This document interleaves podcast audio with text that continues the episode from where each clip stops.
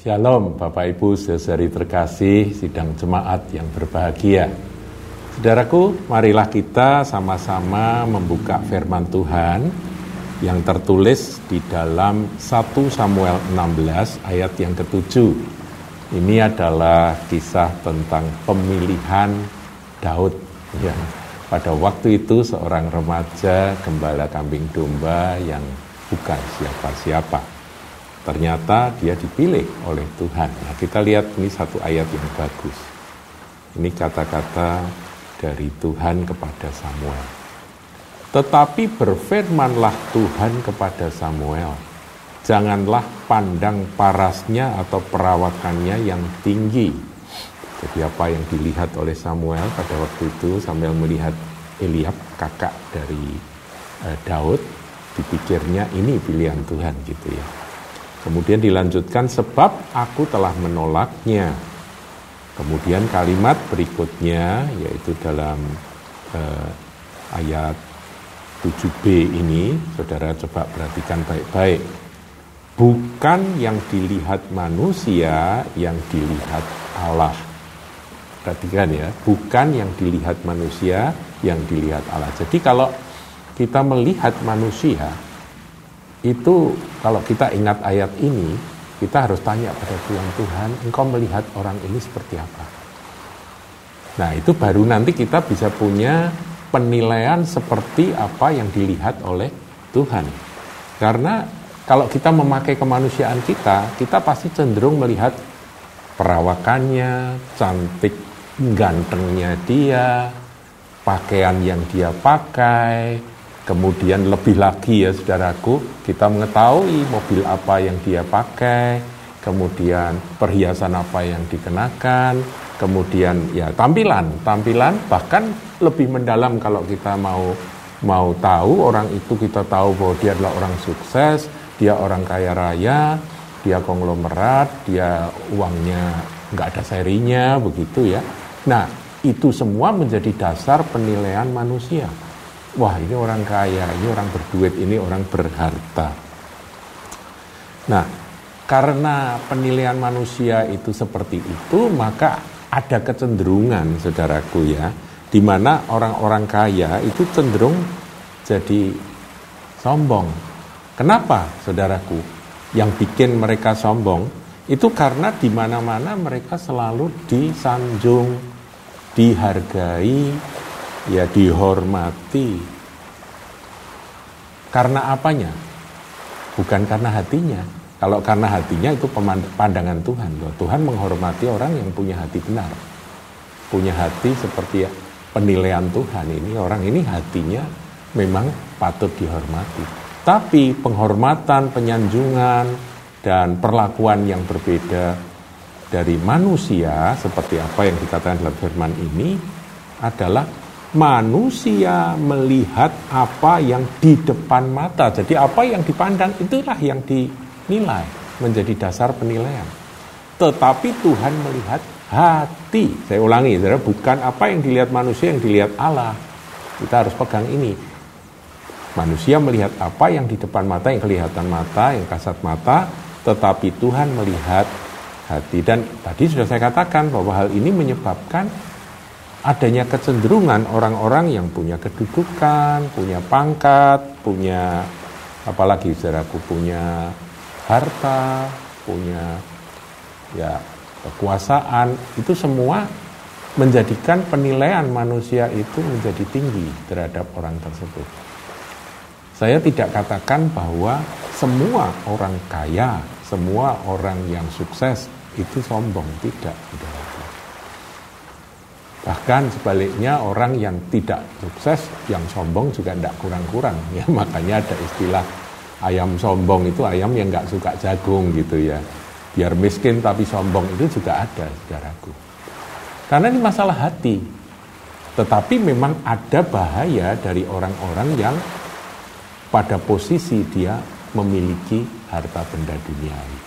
Karena perlakuan dan pandangan manusia itu selalu membuat mereka itu disanjung, dihormati, dihargai karena bukan hatinya, tapi karena apa yang mereka miliki, ya.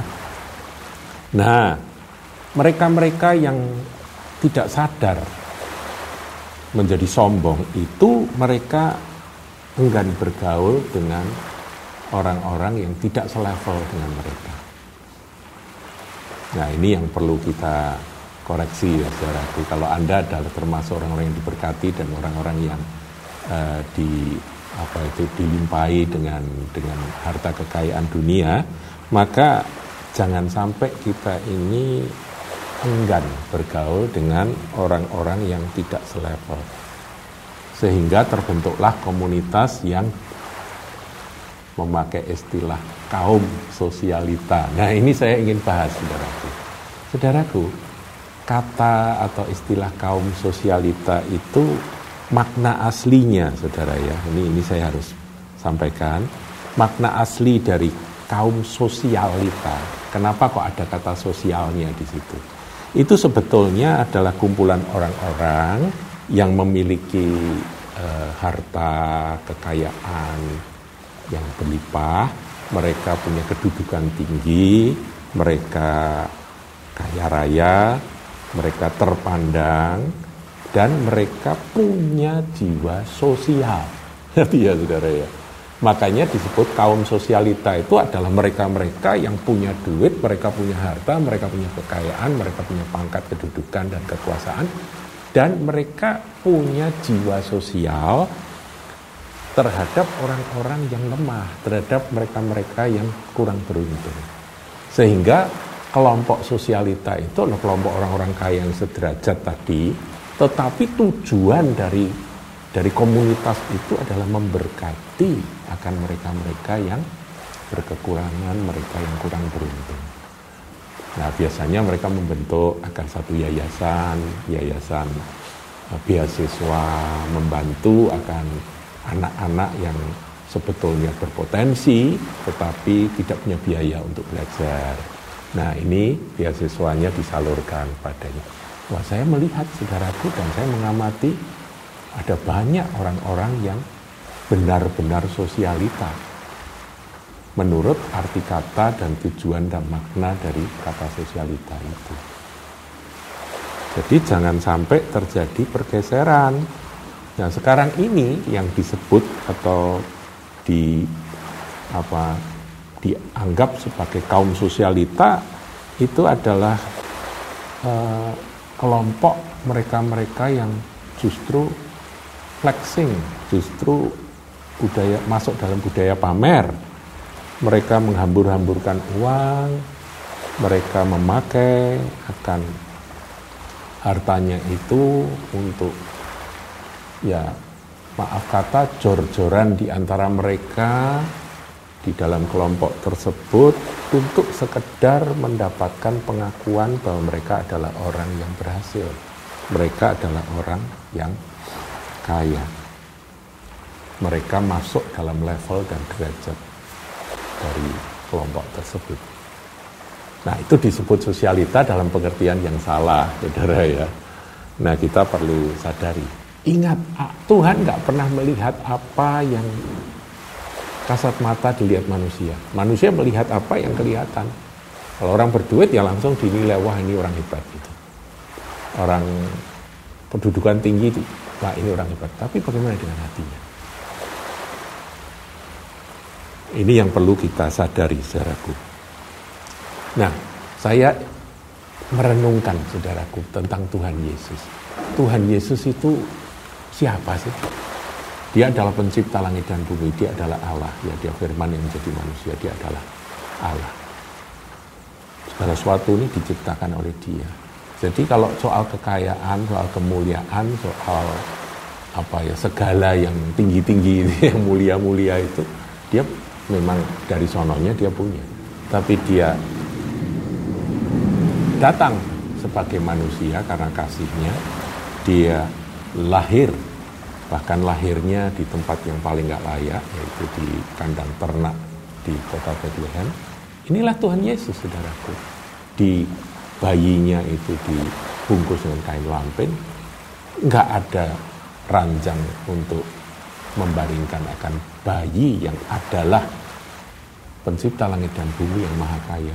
tapi dia menjadi sangat sederhana, bahkan sangat miskin. Diletakkan di palungan.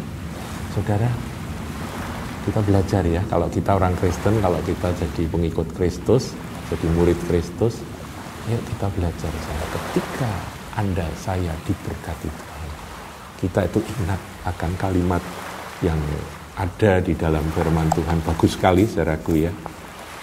Uh, ini saya bacakan saudara-saudara dalam perenungan kali ini saudara bisa masukkan dalam hati. Mazmur 103 ayat 12. Kita ini banyak dosa saudaraku, tapi karena kasih karunia Tuhan Yesus Kristus kita diselamatkan, diampuni dan dibenarkan. Sejauh timur dari barat demikian dijauhkannya kita daripada pelanggaran kita. Seperti Bapak sayang kepada anak-anaknya, demikian Tuhan sayang kepada orang-orang yang takut akan dia. Jadi saudara yang paling penting itu hati ini tetap takut akan Tuhan. Kemudian yang ke-14, ayat 14 dari Mazmur 103. Sebab dia sendiri tahu apa kita. Dia ingat bahwa kita ini debu. Saudaraku, kita ini debu.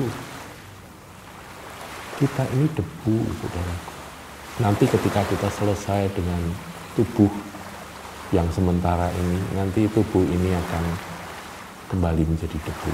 Dari debu kembali menjadi debu. Jadi apa yang kita mau sombongkan?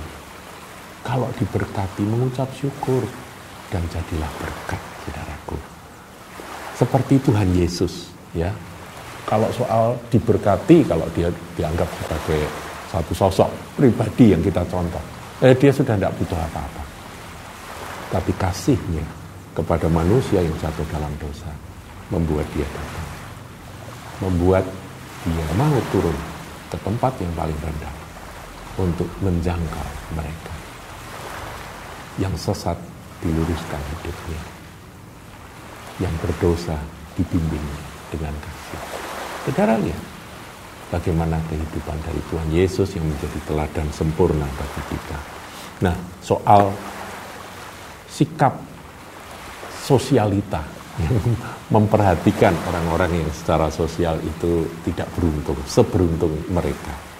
Bentuklah kelompok sosialita, saudaraku, bergaullah dengan kelompok itu. Tetapi ingat kalau berani pakai kata sosialita, ini loh kelompok sosialita itu mungkin kata-kata dari orang yang menilai mereka. Ini kelompok ini pergeseran nilai, bukan sosialita itu berarti bukan mereka-mereka orang kaya kemudian yang pakai tas merek, pakai mobil yang yang terbaru, yang terbagus, kemudian mereka pergi ke tempat-tempat wisata, hotel-hotel yang paling mewah dan mereka uh, bahkan ada yang demonstratif, saudaraku ya sekarang ini kan budaya pamer itu sudah uh, menjadi tren.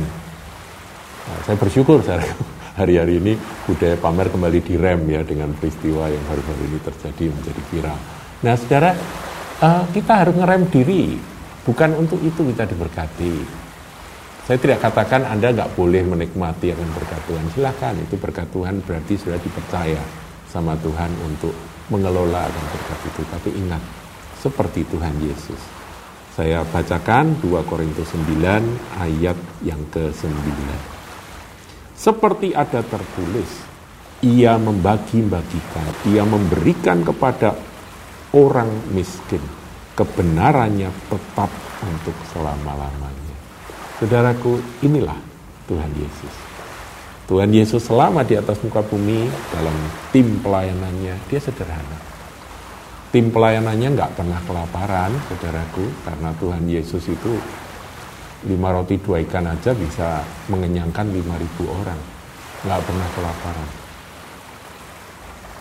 karena dia adalah Tuhan yang mencukupkan jadi kita nggak perlu khawatir saudaraku ya saudara yang mungkin belum diberkati sampai berlimpah-limpah saudara pun juga punya iman nggak perlu khawatir. Tetapi Tuhan di mana-mana selalu membagi dalam tim pelayanan dari Tuhan Yesus itu ada orang-orang kaya gitu, wanita-wanita kaya yang uh, mensupport akan dana pelayanan dari Tuhan Yesus. Tapi apa yang dilakukan oleh Tuhan? Membagi-bagi kepada mereka.